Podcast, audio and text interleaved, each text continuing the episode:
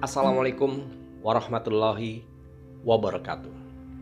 Stres merupakan sebuah tekanan psikologis dan fisik yang bereaksi ketika menghadapi situasi yang dianggap berbahaya.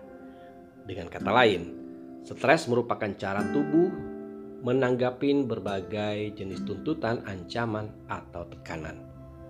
Tubuh bisa memberikan reaksi positif atau negatif dalam merespon stres. Reaksi positif berupa kemampuan beradaptasi, kewaspadaan yang meningkat atau motivasi dalam menghadapi tantangan. Sementara reaksi negatif ditandai dengan rasa cemas dan takut yang dapat disertai dengan berbagai keluhan fisik. Ketika merasa cemas, takut, dan terancam, sistem saraf merespon dengan melepaskan aliran hormon adrenalin dan kortisol. Kedua hormon ini dapat memunculkan suatu reaksi pada tubuh, antara lain jantung berdebar cepat, otot tubuh menegang, tekanan darah meningkat, dan bahkan napas menjadi lebih cepat.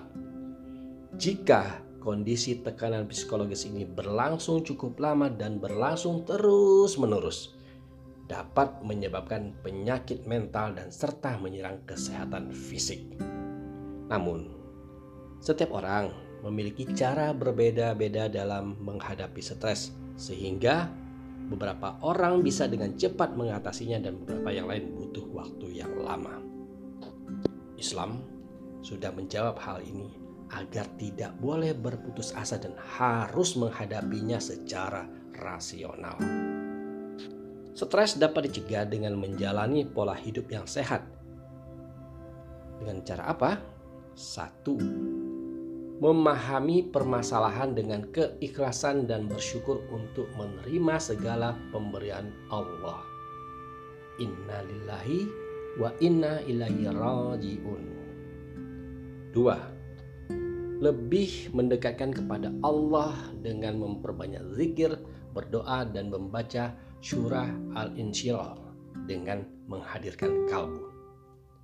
Alam nasrah laka sadra wa anka wizra alladhi anqadha zahra wa laka zikra. Fa inna ma'a usri yusra. Inna ma'a usri yusra. Fa idza faragta fansab. Wa ila rabbika ketiga luangkan waktu untuk melakukan hal-hal yang disukai seperti membaca buku, menikmati teh hangat, mendengarkan musik, atau menonton film. Keempat, bersosialisasi dengan orang yang menyenangkan dan memberikan dampak positif.